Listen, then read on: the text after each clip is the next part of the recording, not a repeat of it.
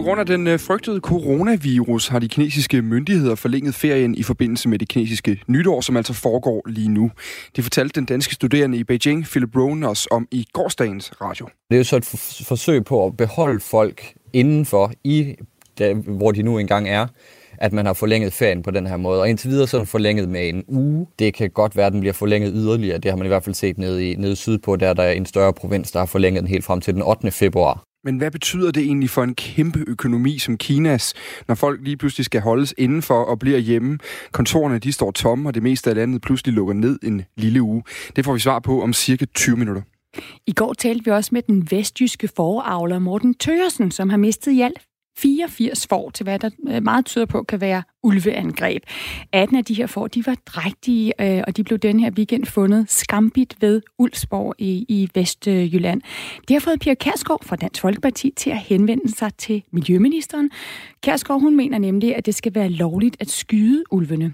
Det snakker vi med hende om cirka 20 minutter i syv.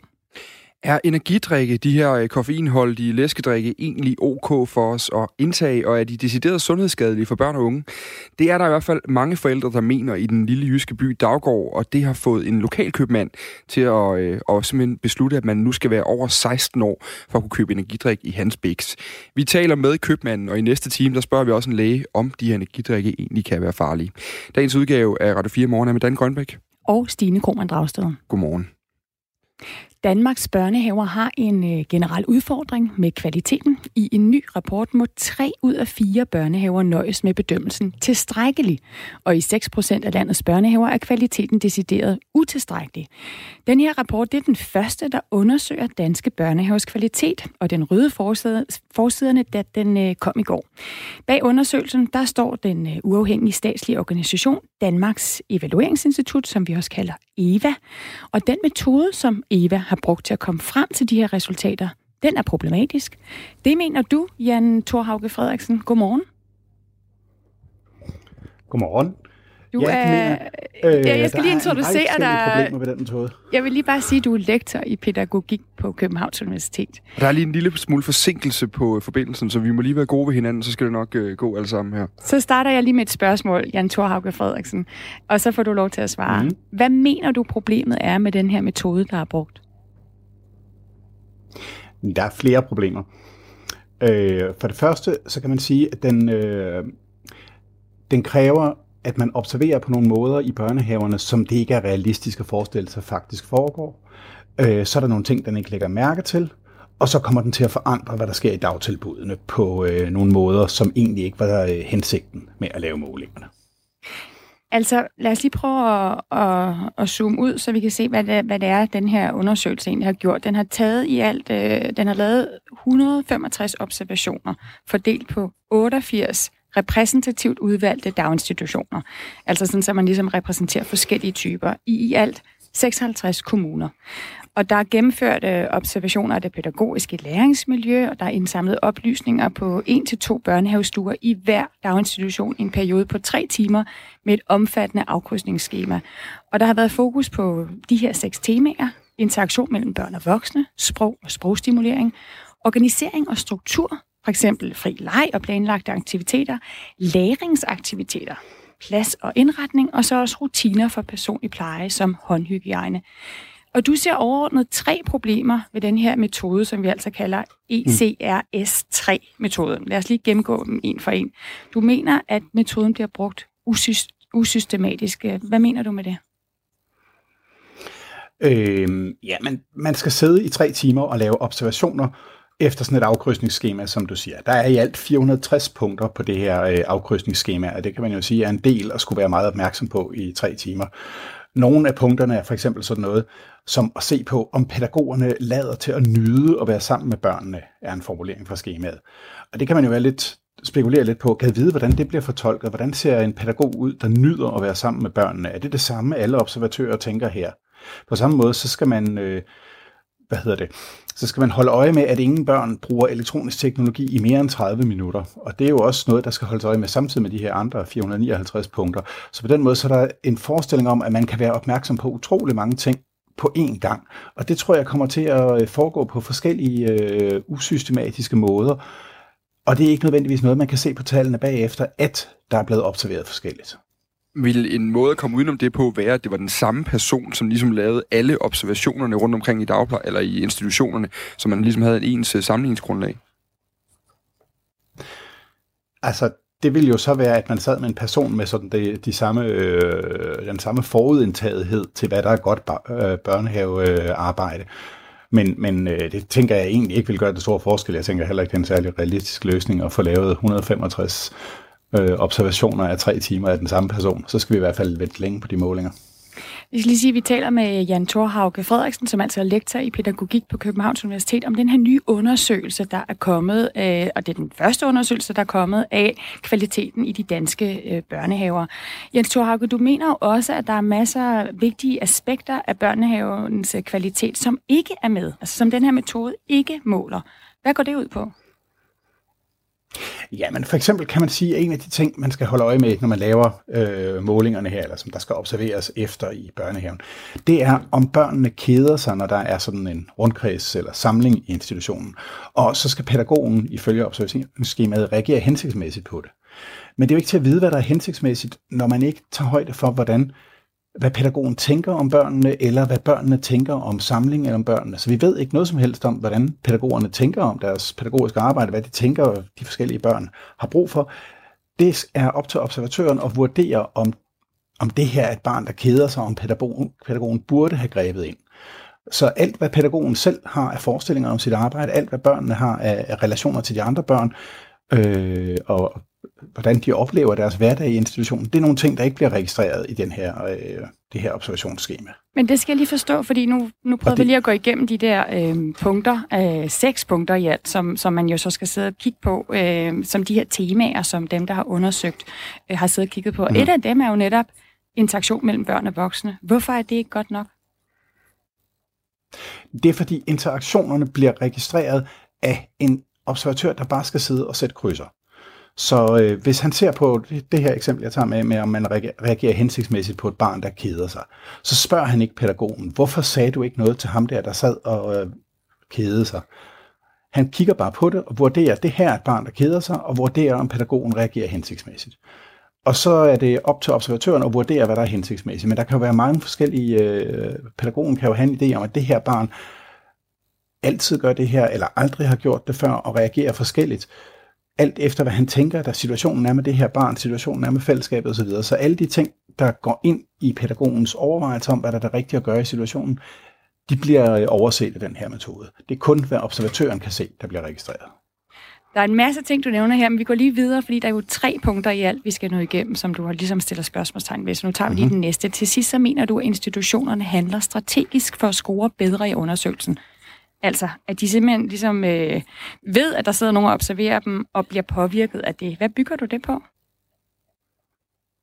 Øh, det bygger jeg på, at jeg har siddet og læst øh, kvalitetsrapporter fra øh, danske kommuner, der bruger det her system i forvejen. Og øh, der kan man se, at øh, kommunerne bruger det her, øh, det her øh, schema meget kreativt.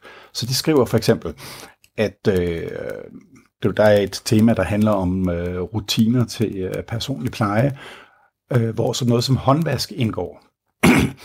og øh, så er der kommuner, der skriver i deres kvalitetsrapporter, at efter at have evalueret kvaliteten i deres daginstitution, er det nået frem til, at det vil være en god idé, at man indfører en mere systematisk måde at vaske hænder på, fordi det vil forbedre scoren i det her kvalitetssystem. Men er det ikke en god idé, man at man bliver påvirket? Ikke... Altså, det er vel meningen, at man ligesom tager de råd til sig, eller hvordan? Øh, det kan man jo diskutere, om det er. Det er jo en måde, af, hvor en øh, kommune sætter, eller en pædagogisk konsulent i en kommune sætter sig og læser øh, skemaet igennem og udvælger de steder, hvor det ser ud, som om der er nogle lavt hængende frugter, og så er det dem, man vælger, man skal arbejde efter. Så i stedet for, at kvalitet bliver et spørgsmål om, hvad der står i øh, dagtilbudsloven og øh, den øh, styrkede pædagogiske læreplan for, hvad man skal arbejde med i institutionen, så bliver kvalitet at udvælge steder, hvor det er nemt at forbedre sin score i øh, det her system. Og det betyder jo, at hvad hedder det, øh, der bliver handlet efter at forbedre scoren, og ikke efter, hvad hedder det, hvad man egentlig synes er pædagogisk rigtigt i, øh, i situationen. Og så, så spørgsmålet... Det her det er et system. Spørgsmålet er, hvor, hvor meget det er sket. Ja, der er lige den her forsinkelse, men jeg siger bare spørgsmålet, hvor meget det er sket, når vi så har et resultat, hvor 75 procent af de 88 repræsentativt udvalgte dagtilbud øh, får, øh, kun får den her gennemsnitlige tilstrækkelige kvalitet. Øhm, men altså, undersøgelsen er repræsentativ, og det er den første store af sin slags, der undersøger kvaliteten i de danske børnehaver nationalt. Mener du slet ikke, man kan bruge den til noget?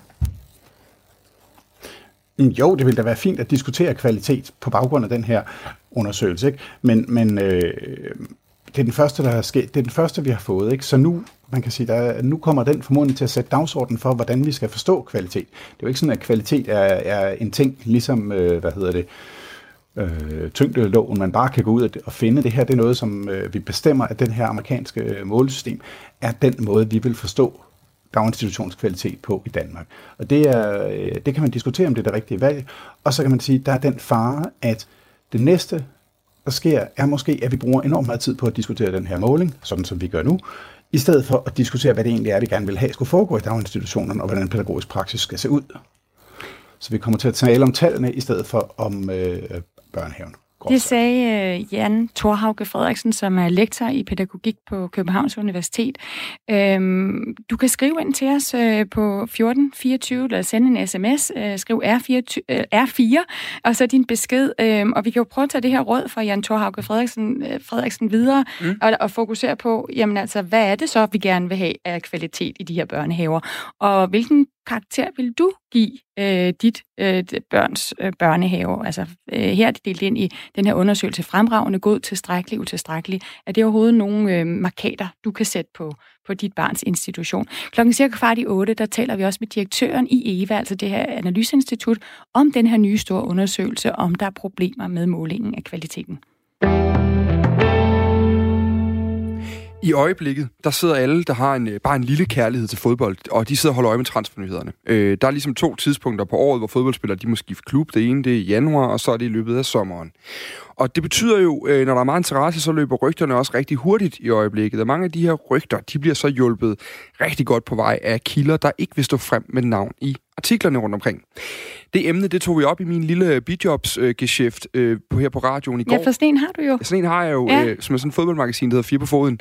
Og jeg kan lige prøve at give et eksempel på en historie, der har været her i januar. Altså, øh, BT Avisen skriver i starten af den måned, den 11. januar, at de kan, citat, afsløre, at en fodboldspiller fra Odense Boldklub har skrevet under med den tyske klub Arminia Bielefeld.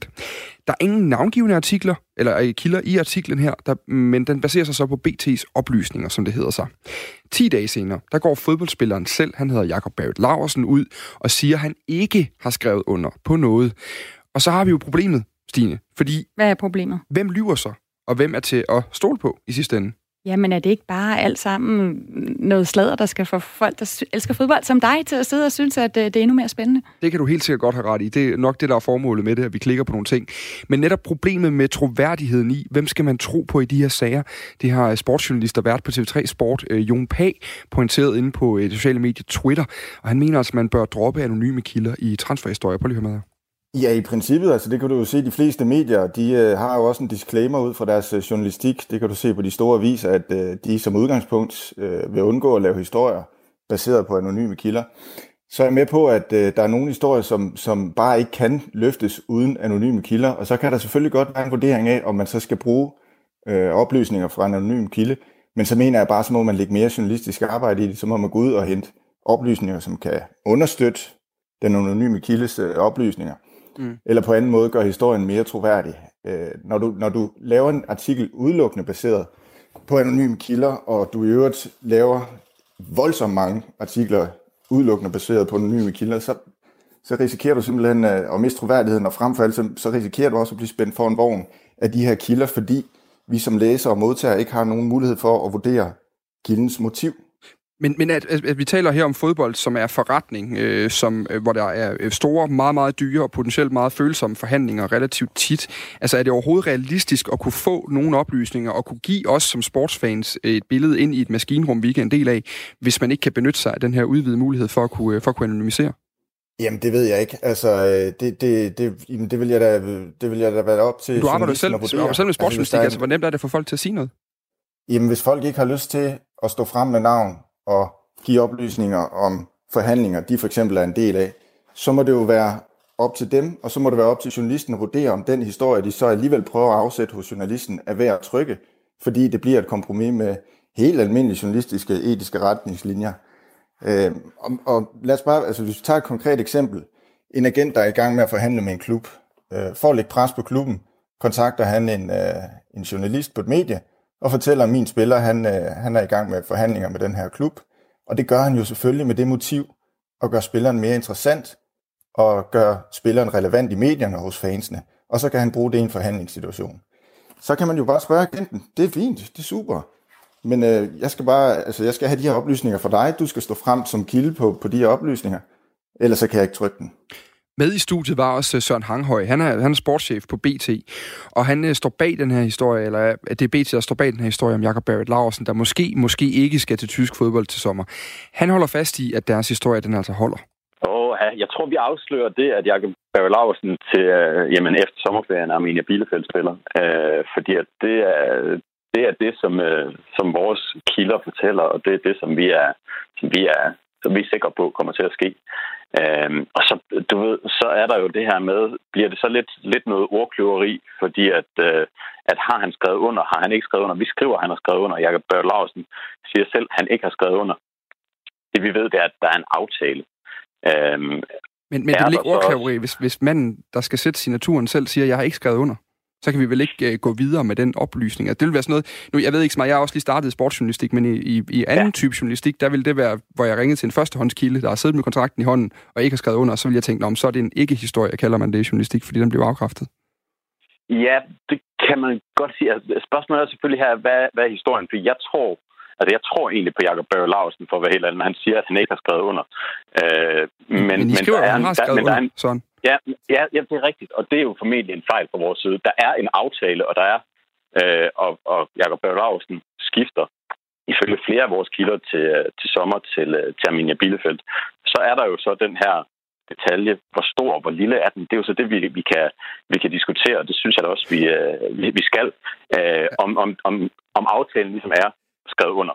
Øh, og der bliver det jo en, en svaghed, selvfølgelig for vores historie, når Jacob Lausen går ud og siger, at jeg har ikke skrevet under på noget. Øh, men altså, historien er jo dybest set, skifter han, skifter han ikke. Og det er vi jo øh, men, det er vi ret så sikre på, at han gør. Men hvis vi så arbejder med det her scenarie, det kan jo sagtens være, at han ender med at skifte. Han siger endda også, at han synes, at Arminia Bielefeld er en fed klub, så det lyder ikke, som om han ikke havde tænkt sig at tage en tur til Tyskland, hvis de endelig ringede.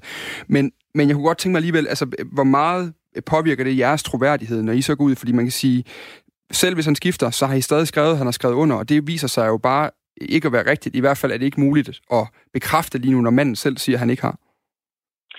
Det er rigtigt. Det er svært, og, og altså, det påvirker da vores troværdighed lidt. Det gør det da helt sikkert. Altså, det gør det hver gang, vi laver en fejl.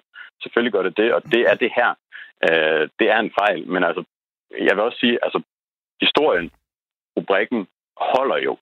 Øh, men, men ikke rigtigt, når han selv afkræfter. I hvert fald ikke dokumentere det endnu, tænker jeg, når det, eller hvad? Nej, vi kan ikke dokumentere endnu, at han skifter. Øh, det kan vi ikke, øh, hvis du tænker, om vi har et, en, en aftale, som vi har et, et billede af, eller om han selv siger det, eller om Amelia Bielefeld siger det. Det kan vi ikke endnu. Men det her, det er en historie, som, som debatten også her handler om, er baseret på, øh, på unavngivende kilder, som fortæller os flere unavngivende kilder, som fortæller os, at, at Jakob Berg Laursen, han skifter til Arminia Bielefeldt til sommer. Og så kan man jo så sige, han har jo selvfølgelig og sådan er det i de her sager. Han har en, øh, en, en interesse i at sige, jamen der er ikke noget skrevet under endnu, fordi at han har et forår, han skal spille færdigt i, i, øh, i OB, og han, der er nogle fans, han skal tænke på. Der er en masse forskellige interesser, øh, som, han, som han også skal pleje her, og derfor bliver det også sådan lidt en øh, over, jamen, nej, jeg har ikke skrevet under endnu. Øh, og det kan jeg et eller andet sted godt forstå, at han, øh, at han siger. Øh, men, men for mig er det vigtigste i den her historie, det er, er historien om, at Jacob Børge Laursen han skifter til Arminia Bielefeld, er den sand eller ej?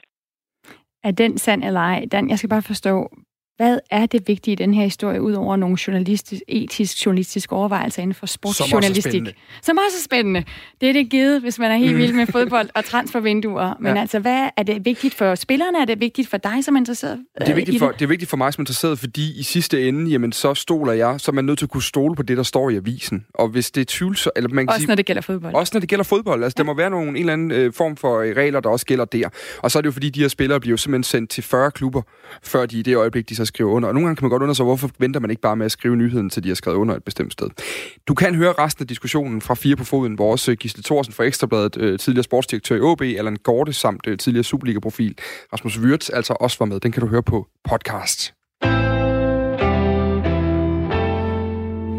I Kina, der kæmper myndighederne stadig med at sikre, at færrest muligt smittes af den her, det her nye øh, coronavirus, øh, hvor dødstallet nu er op på 106 af det seneste, vi har, vi har kunnet finde, øh, og der er altså opdaget mere end øh, 1.300 nye øh, tilfælde. Og i et forsøg på at øh, forhindre yderligere spredning af smitten, så har de kinesiske myndigheder nu valgt at øh, forlænge den kinesiske nytårsferie. Så arbejdspladser, offentlig transport, restauranter og butikker, de holdes øh, i første omgang lukket frem til øh, den 2. februar, og skolerne helt frem til, til den 17 februar. Og det er jo det her med, at øh, en ting er, at folk rejste ud, når de skulle øh, fejre nytår med deres familie. Nu er man så bange for, at øh, hvis, ny, hvis ferien ikke bliver forlænget, så skal de rejse tilbage igen. Og så kan man få folk, der har været ude i landet, tilbage til byerne og smitte mm. mere der. Nu vil vi sige godmorgen til Allan von Meeren, øh, chefanalytiker med fokus på Kina i Danske Bank.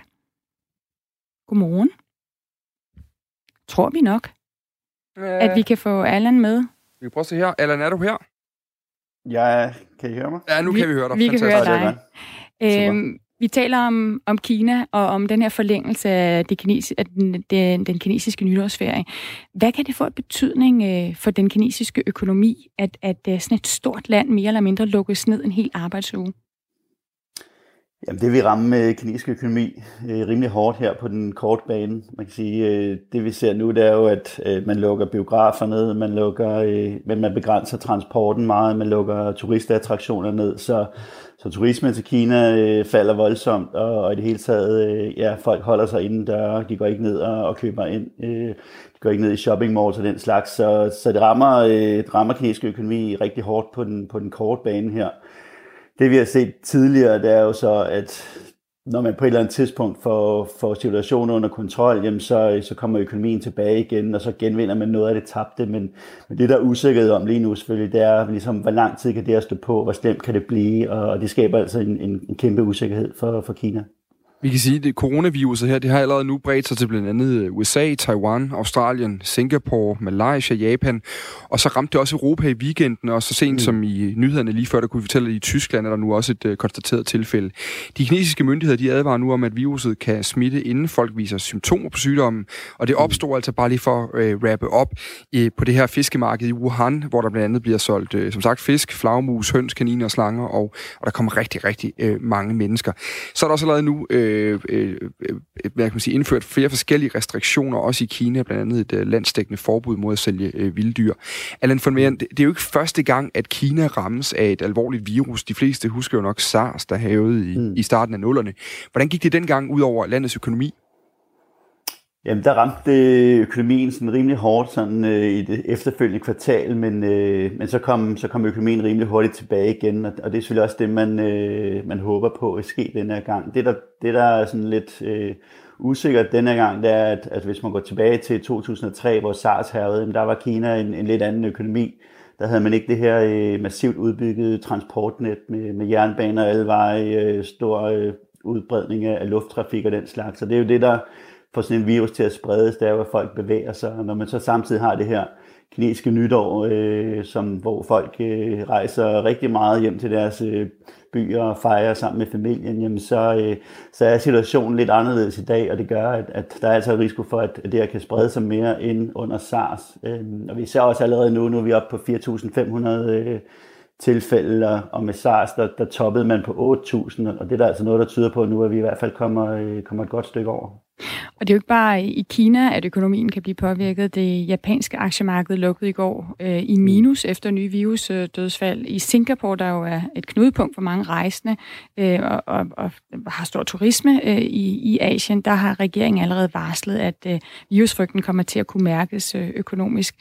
Øh, hvordan ser, det, ser vi indtil videre, at, at øh, virusen har fået øh, konsekvenser for selve Kinas økonomi? Altså, vi har ikke sådan fået nogle konkrete tal for det endnu, men, men, men der er ingen tvivl om, når vi får øh, tal her for, øh, for januar og, og februar måned, jamen, så vil vi se, at sådan noget som servicesektoren i Kina, den, øh, den er ramt hårdt.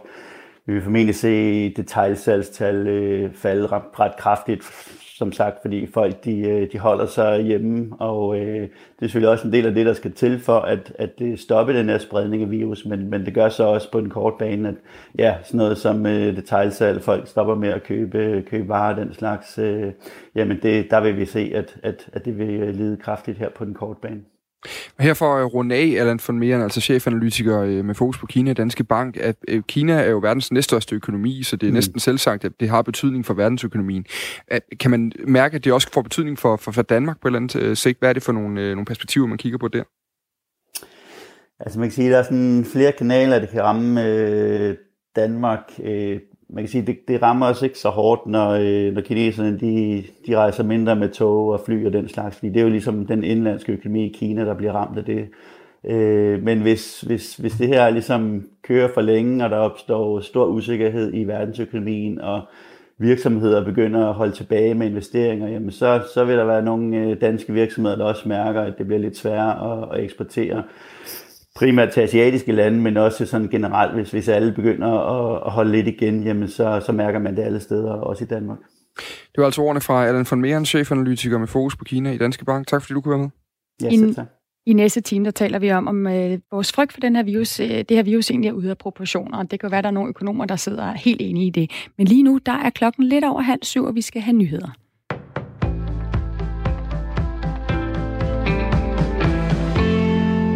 Skal oprettes en specialenhed i politiet, som er specialiseret i at håndtere hadforbrydelser mod minoriteter i Danmark. Det stiller enhedslisten som krav til de kommende forhandlinger om et nyt fireårigt politiforlig. Det fortæller partiets retsordfører Rosa Lund.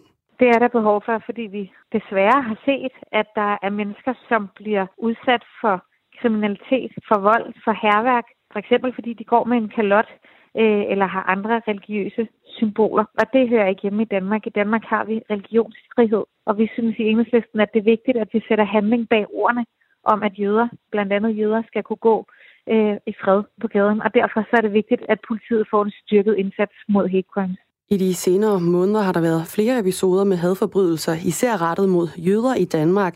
Netop derfor mener Rosa Lund, at, der nu, at det nu er endnu mere vigtigt, at der bliver gjort noget konkret for at nedbringe antallet af hadforbrydelser. For det første så er det vigtigt, at vi på politiuddannelsen giver mere undervisning i de fag, der handler om diskrimination, og de fag, der handler om, hvordan man håndterer og, øh, og opklarer hate crimes. Og for det andet, så skal det være sådan, at ude i politikredsene bør der være efteruddannelse i det, netop så der kan komme øh, en specialenhed. Der er sat 1,2 milliarder kroner af på finansloven for 2020 til det kommende politiforlig. Det skal sætte rammerne for politiet og anklagemyndigheden de kommende år. Det skulle oprindeligt være trådt i kraft ved indgangen til 2020, hvor forliget fra 2016 udløb. Men på grund af store udfordringer hos politiet og anklagemyndigheden besluttede regeringen i efteråret at udskyde forhandlingerne for at få mere tid til at danne sig et overblik over problemerne. Det første tilfælde af coronavirus er bekræftet i Tyskland, det oplyser sundhedsmyndighederne i delstaten Bayern sent mandag aften. Det er en mand fra Starnberg-området nær München, som er blevet smittet med det dødelige virus. Mandens tilstand er stabil, oplyser det bayerske kontor for sundhed og fødevaresikkerhed. Han bliver overvåget af sundhedspersonale og er i isolation. En talsmand for Sundhedsministeriet i Bayern siger, at risikoen for infektion blandt befolkningen i den tyske delstat bliver betragtet som lav. I Kina har man senest opjusteret dødstallet som følge af coronaviruset til 106 personer. Samtidig er der opdaget 1300 nye tilfælde. Det betyder, at der nu på tværs af Kina er 4000 bekræftede tilfælde af coronavirus. Ifølge Nets er det over de seneste to år lykkedes at nedbringe svindel med dankort markant. I 2019 har Nets registreret misbrug for 31 millioner kroner, og det er markant mindre end i 2017, da der blev svindlet for 98 millioner kroner. Chef for svindelbekæmpelse hos Nets, Sune Gabelgaard, beskriver udviklingen som et våbenkapløb, hvor Nets og myndighederne er kommet foran. Det tilskriver han en række forskellige tiltag. Digitalt, altså svindel på nettet, er svindlens vundet fra 45 millioner kroner til 15 millioner kroner. Her har særligt en ny sikkerhedsmekanisme gjort misbrug besværligt for svindlerne. Nogle steder er det nemlig muligt at få tilsendt en sms-kode, som indgår i verifikationen af en betaling. Det sammenholdt med, at Nets er blevet bedre til at spotte mistænkelige transaktioner, har nedbragt internetsvindlen med Dankort. Også ude i butikkerne er der lavet ekstra sikkerhedsforanstaltninger for at undgå svindel, fortæller Sune Gabbelgaard. Den første er at det her kontaktløse funktionalitet, der er i kortet, hvor man kan lave en transaktion uden pindkode. Det gør simpelthen, at de her svindler, de kan aflure pindkoden, hvis man husker at bruge det. Og så er der den anden del, det er, det er den indsats, der har været fra myndighederne, fra politiets side i særdeleshed. De har været virkelig aktive på gaden, og har simpelthen været ude fysisk og, og få fat i de her mennesker, som laver den her kriminalitet. Og det er ikke fordi svindlerne ikke prøver. Ifølge Sune Gabelgaard var der ny rekord i antallet af svindelforsøg i september 2019. Først på dagen i dag overskyet med ret udbredte regn, senere mest skyde og kun stadvist regn eller byer. Temperaturen i dag lander omkring 5 graders varme.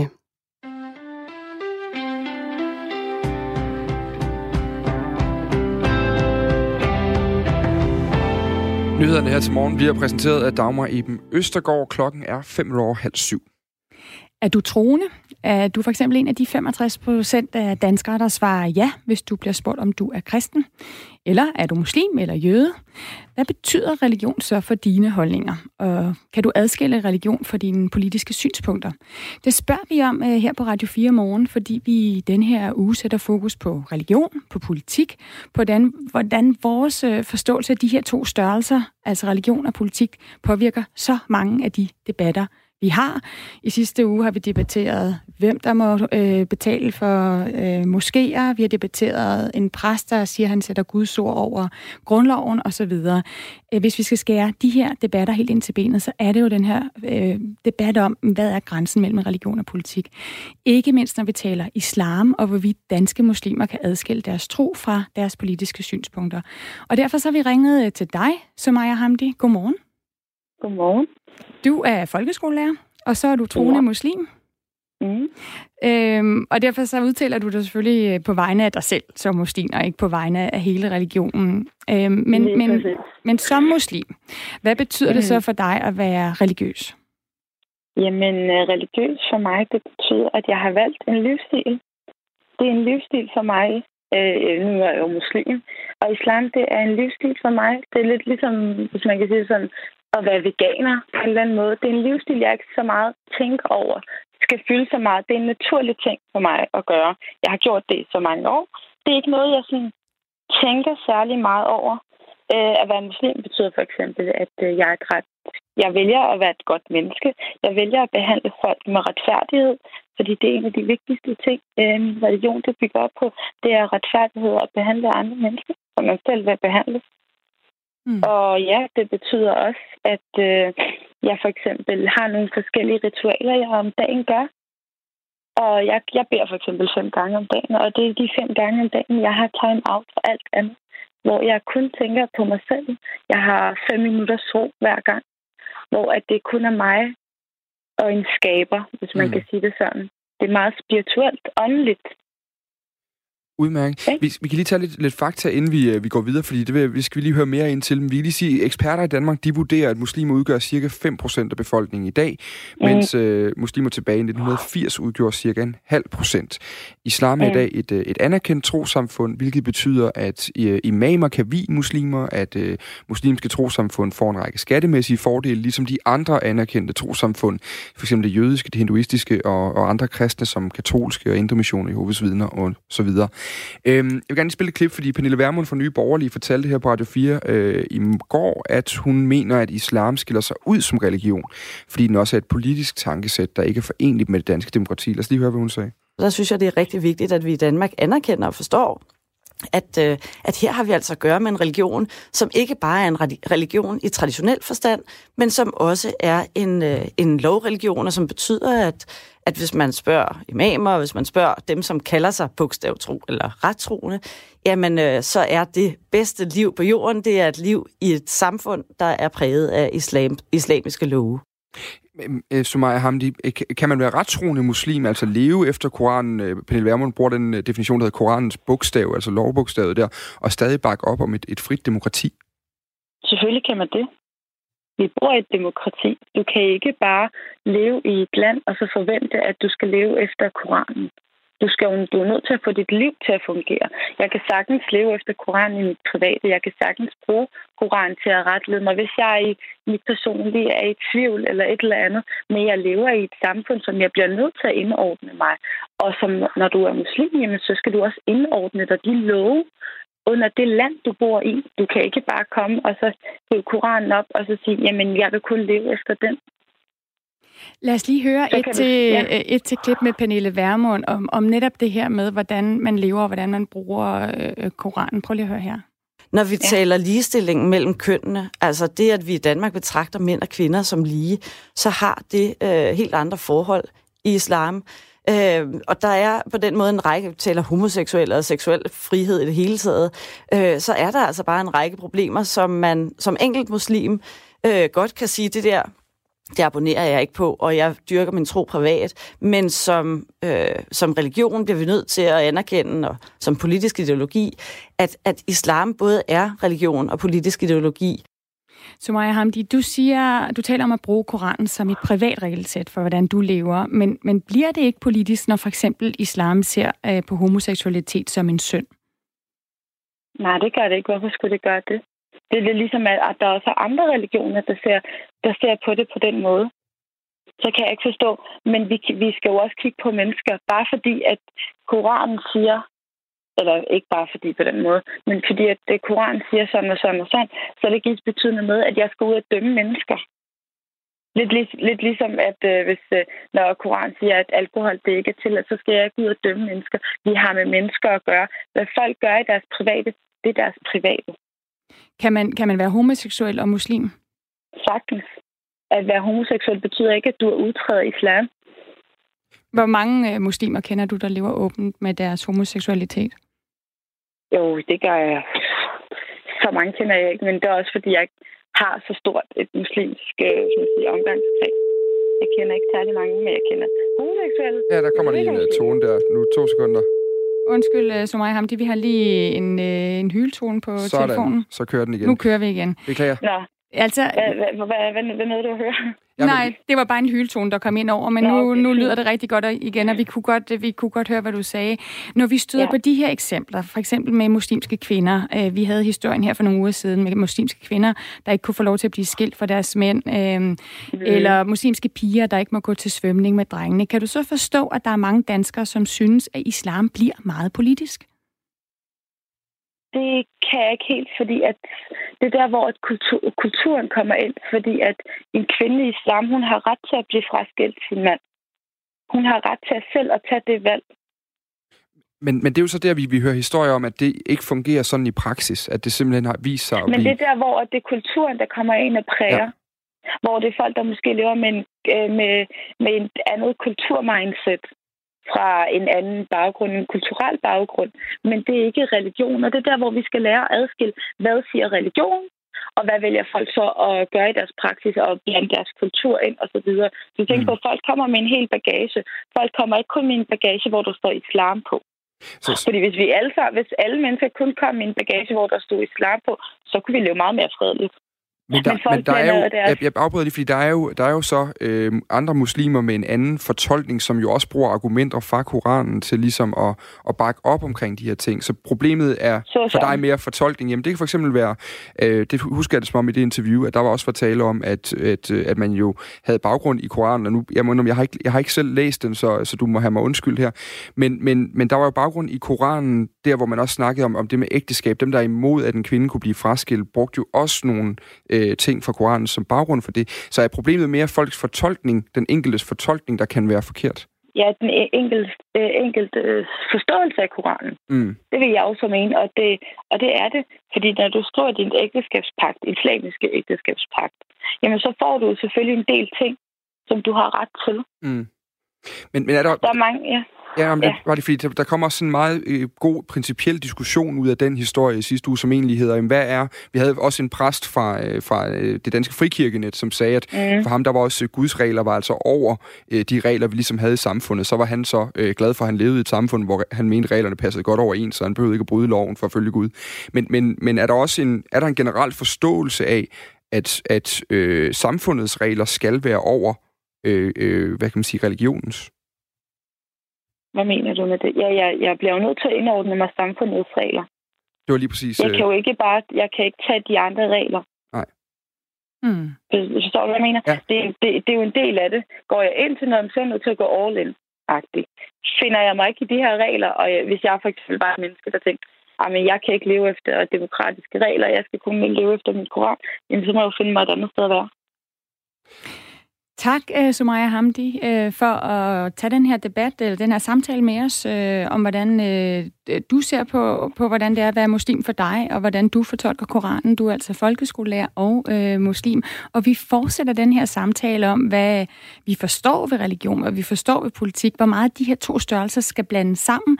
Lidt over syv, mm. øh, hvor vi spørger øh, Christian Thulsen Dahl, om han mener, at islam er i strid med det danske demokrati, og hvor meget han som politiker skal blande sig i det.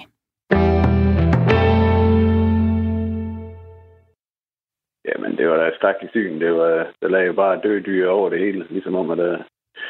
Ja, det var sådan en slagmark, kan man sige. Der, der, det, var, det var forfærdeligt. De er jo store bidmærker i, i, i uh, maveregionen, og der stod jo bare hang også. Altså, det, det, ja, det er forfærdeligt. Tarmen, de hænger ud af dem også. Altså, det, det var bare at komme i gang med det samme for dem aflivet, så de er lider mere, end de er nødvendigt. Ordene her er Morten Tøresens. Han er foravler. Han bor nær den øh, vestjyske by Ulfborg, og ham talte vi med i går på Radio 4 morgen. I weekenden der fandt han 18 af sine drægtige får skambit og døde, mens yderligere 6 af hans får var så ilde tilredt, at de måtte aflives på stedet. Det er ulve, der mistænkes for det her, øh, det her, den her, det her massemord, der nærmest foregik på marken der. Og nu har Pia Kærsgaard fra Dansk Folkeparti fået nok af ulveangreb og døde får. Hun vil tage kontakt til øh, Miljøminister Lea Wermelin for at få ministeren til at søge om dispensation hos EU, så borgerne kan få lov til at skyde skyde ulve, der ellers er fredet. Godmorgen, Pia Kjærsgaard. Godmorgen. Altså øh, medlem af Folketinget for Dansk Folkeparti. Øhm, ja. Ulven er fredet i hele EU, fordi den har været på randen af udryddelse, og bestanden fortsat øh, har det skidt. Kan du ikke starte med lige at uddybe, hvorfor du mener, det skal være lovligt at, at skyde ulvene? Fordi øh, vi ser jo med jævne mellemrum, eller hører med jævne mellemrum netop om de ting, som lige er blevet beskrevet her at øh, ulve har været på spil. Nu det får det gået ud over. Det har også været ponyer, som er skambit, som er døde, og hvor øh, landmanden kommer op til netop det der forfærdelige syn på, og ser på sin mark, at der har været ulve på spil, og det synes jeg bare ikke, det kan fortsætte. Vi er nødt til at finde ud af, hvad, hvordan forholder vi os til den ulv, vi har fået ind over, de ulve, vi har fået ind over grænsen i Danmark. Og jeg mener jo ikke, at Danmark overhovedet er et ulveland. Vi er et lille bitte land øh, har ikke haft det problem før, men nu har vi det altså, og hvordan forholder vi os så til det? Det her EU-direktiv, vi taler lidt om, det, det siger jo altså, at ulvene de er jo så beskyttet, de skal have maksimal beskyttelse, og øh, de skal være en alvorlig trussel mod mennesker, før der må sættes øh, ind mod ulven. Hvis man nu tager det her som, som en case, altså ligesom ulven over for foråret, så kan man sige, at vi har, øh, hvis man skal være kynisk på det her område, så kan man sige, at vi har mange får, de er ikke udrydningstroede, det er ulven. Øh, hvorfor er et fors liv så vigtigere end, end ulvens? Og men det er jo klart, at øh, når en anden mand har de her får, jeg ved ikke, hvor mange det drejer sig om, øh, jeg tror, at han, har mistet, eller noget. Han har mistet 84 i løbet af det sidste ja, år. Ja, ja, ja det, er jo, det er jo rigtig mange. Og det, det er jo ikke bare sådan nogle kælefor, han går med. Det synes jeg også er slemt nok, hvis det bare var det.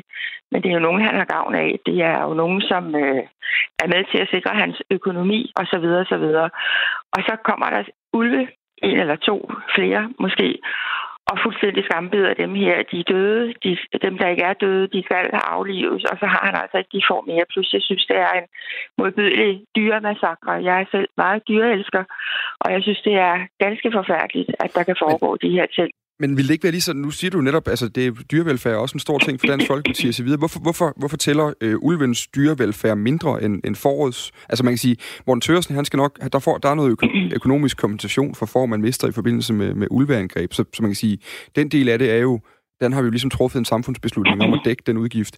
Så, så det handler jo i sidste ende om, om, om ulvens liv over for, for forårets jo, men, men øh, det er også derfor, jeg har indkaldt ministeren til samråd. I, i, begyndelsen, da jeg hørte om alt det her i går, og jeg har hørt om det ofte og haft meget stor lyst til at gå ind i denne her sag, så havde jeg egentlig indstillet mig på, at jeg ville stille hende et skriftligt spørgsmål, som vi jo kan gøre i Folketinget. Mm. Men jeg synes alligevel, at denne her sag, den øh, skaber sig utrolig mange spørgsmål, så hun bliver selv for indkaldt i et samråd i udvalget.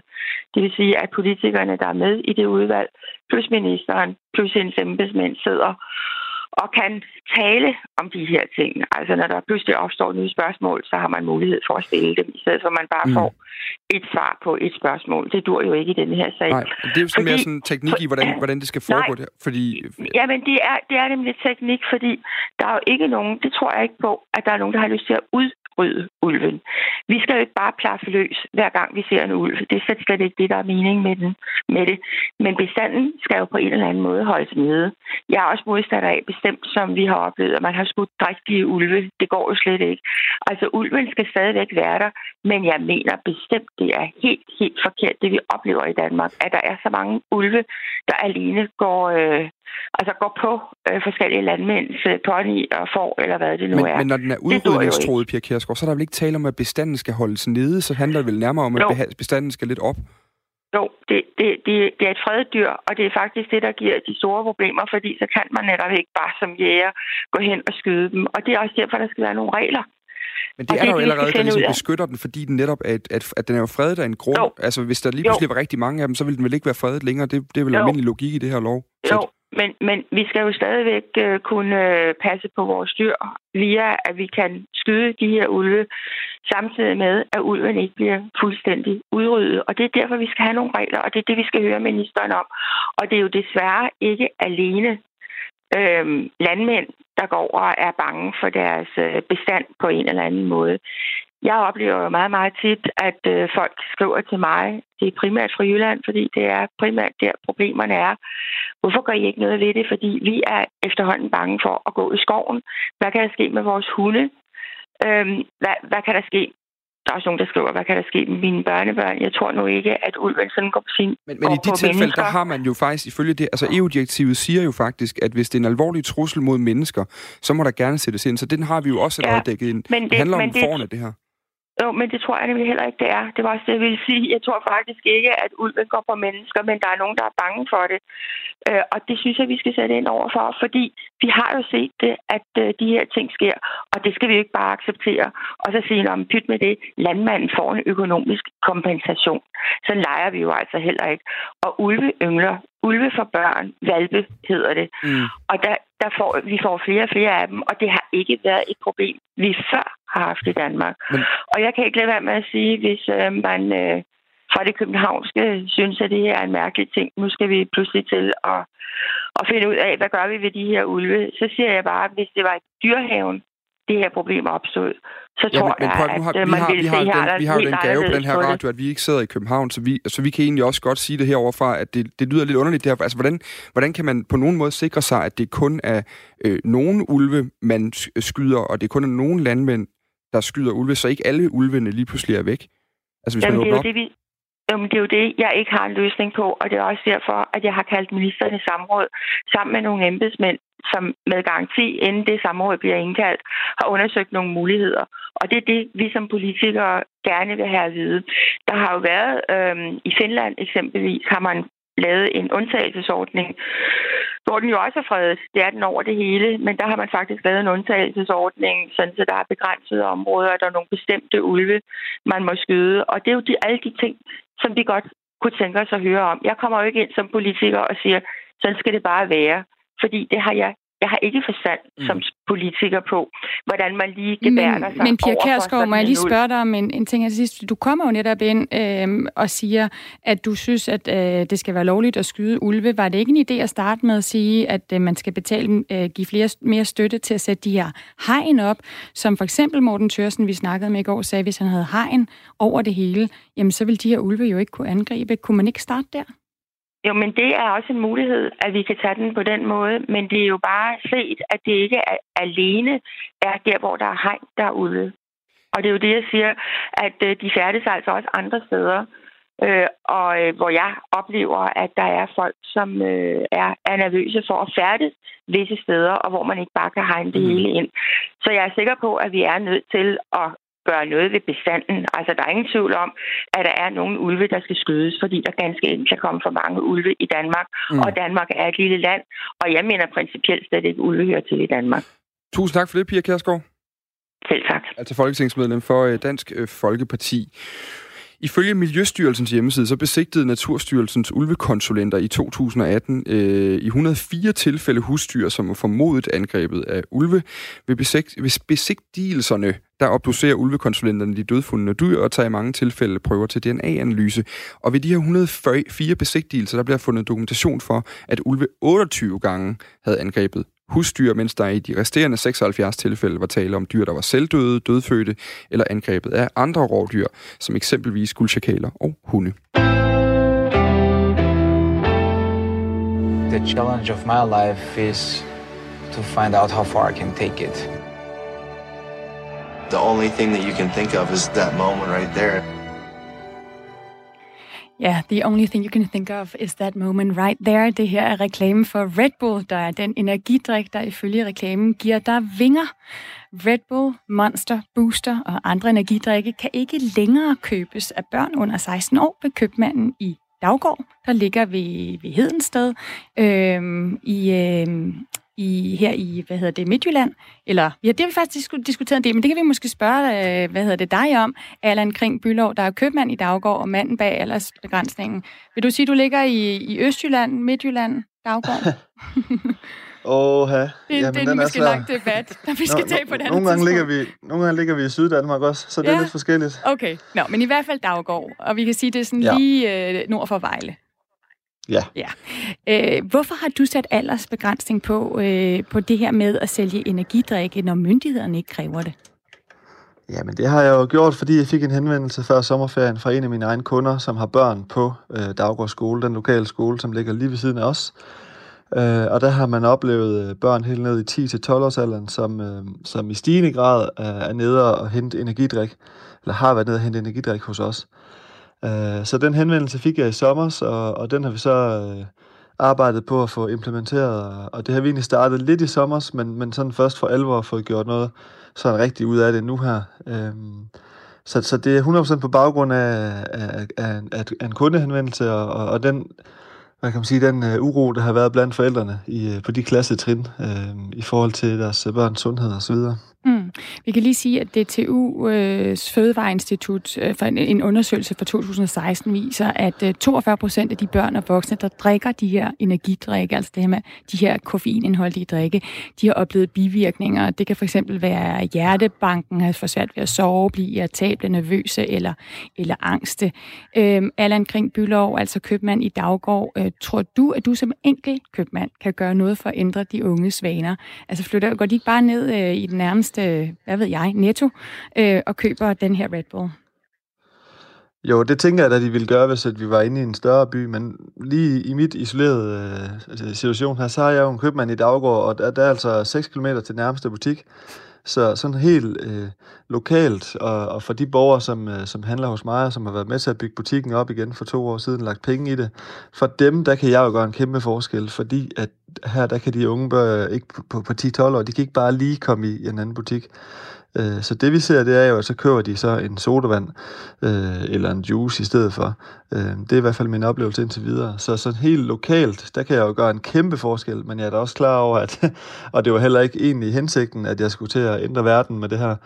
Øh, men, men det har så taget lidt om sig med, med, øh, med omtale, så, så der er der kommet noget politisk øh, fokus på det nu her igen også. Så, så det er da lidt spændt på, om, om der kunne ske noget på en større bane, end, end bare lige lille daggård. Vi kan jo også lige sige til vores lyttere, I kan skrive ind til os øh, på 1424, skriv en sms, øh, skriv R4, og så, øh, så skriv, øh, hvad, hvad, hvordan I har det med de her øh, energidrikker. Er det, er det noget, der er farligt? Vi har fået en lytter reaktion allerede. En her, der er relativt glad for dig, Allan Kring Bylov. Øh, der er en, der skal kæmpe respekt for købmanden for Daggård. Her har vi en mand, der tager ansvar for sit lokalsamfund. Hvis man skal gå videre ud af den tankerække, så kan man sige, nu siger du, de køber en sodavand eller en juice i stedet for. Øh, hvad nu, hvis forældrene... Altså, jeg har selv en lille dreng, han godt nok kun halvandet, så han kan ikke få lov til selv at gå i, øh, i butikken endnu. Men, men, men jeg kunne da måske også godt tænke mig, at han ikke bare lige kunne gå ned og købe slik og sodavand i frikvarteret. Øh, hvor langt er du villig til at gå i den her, hvad kan man sige, forbudsting? Jamen, jeg er villig til at gå lige så langt, som, som, øh, som, som vi, de borgere, de kunder, øh, vi har lokalt. Så, så hvis der kommer nogle forældre og siger, kan du ikke lige sørge for, at vores børn heller ikke går ned og køber slik? Vil du så også sætte en aldersgrænse på 16 Ingen sodavand. Så, så tager vi i hvert fald en dialog omkring det. Altså, jeg tror ikke, vi kommer derhen, øh, men, men det er klart, at vi tager en dialog omkring det, fordi at vi, vi, altså, vi er, man skal forstå vores situation. Vi er en lille bitte købmand uden en lille bitte by. Hvis ikke at vi øh, er der for vores, øh, for vores borgere og for vores kunder, øh, så lever vi ikke ret længe. Så, så når de kommer med noget, så tager vi det op. Og hvis de kommer med den øh, i forhold til slik og sodavand, så tager vi den op og, og tager en dialog omkring det. Det skal selvfølgelig være mere end, end bare en enkelt forælder, der synes, det er en dårlig idé. Øh, men hvis det sådan over en bred kamp er et eller andet, det er jo det samme, hvis de gerne vil have noget, nogle andre produkter i butikken, så kommer det også ind.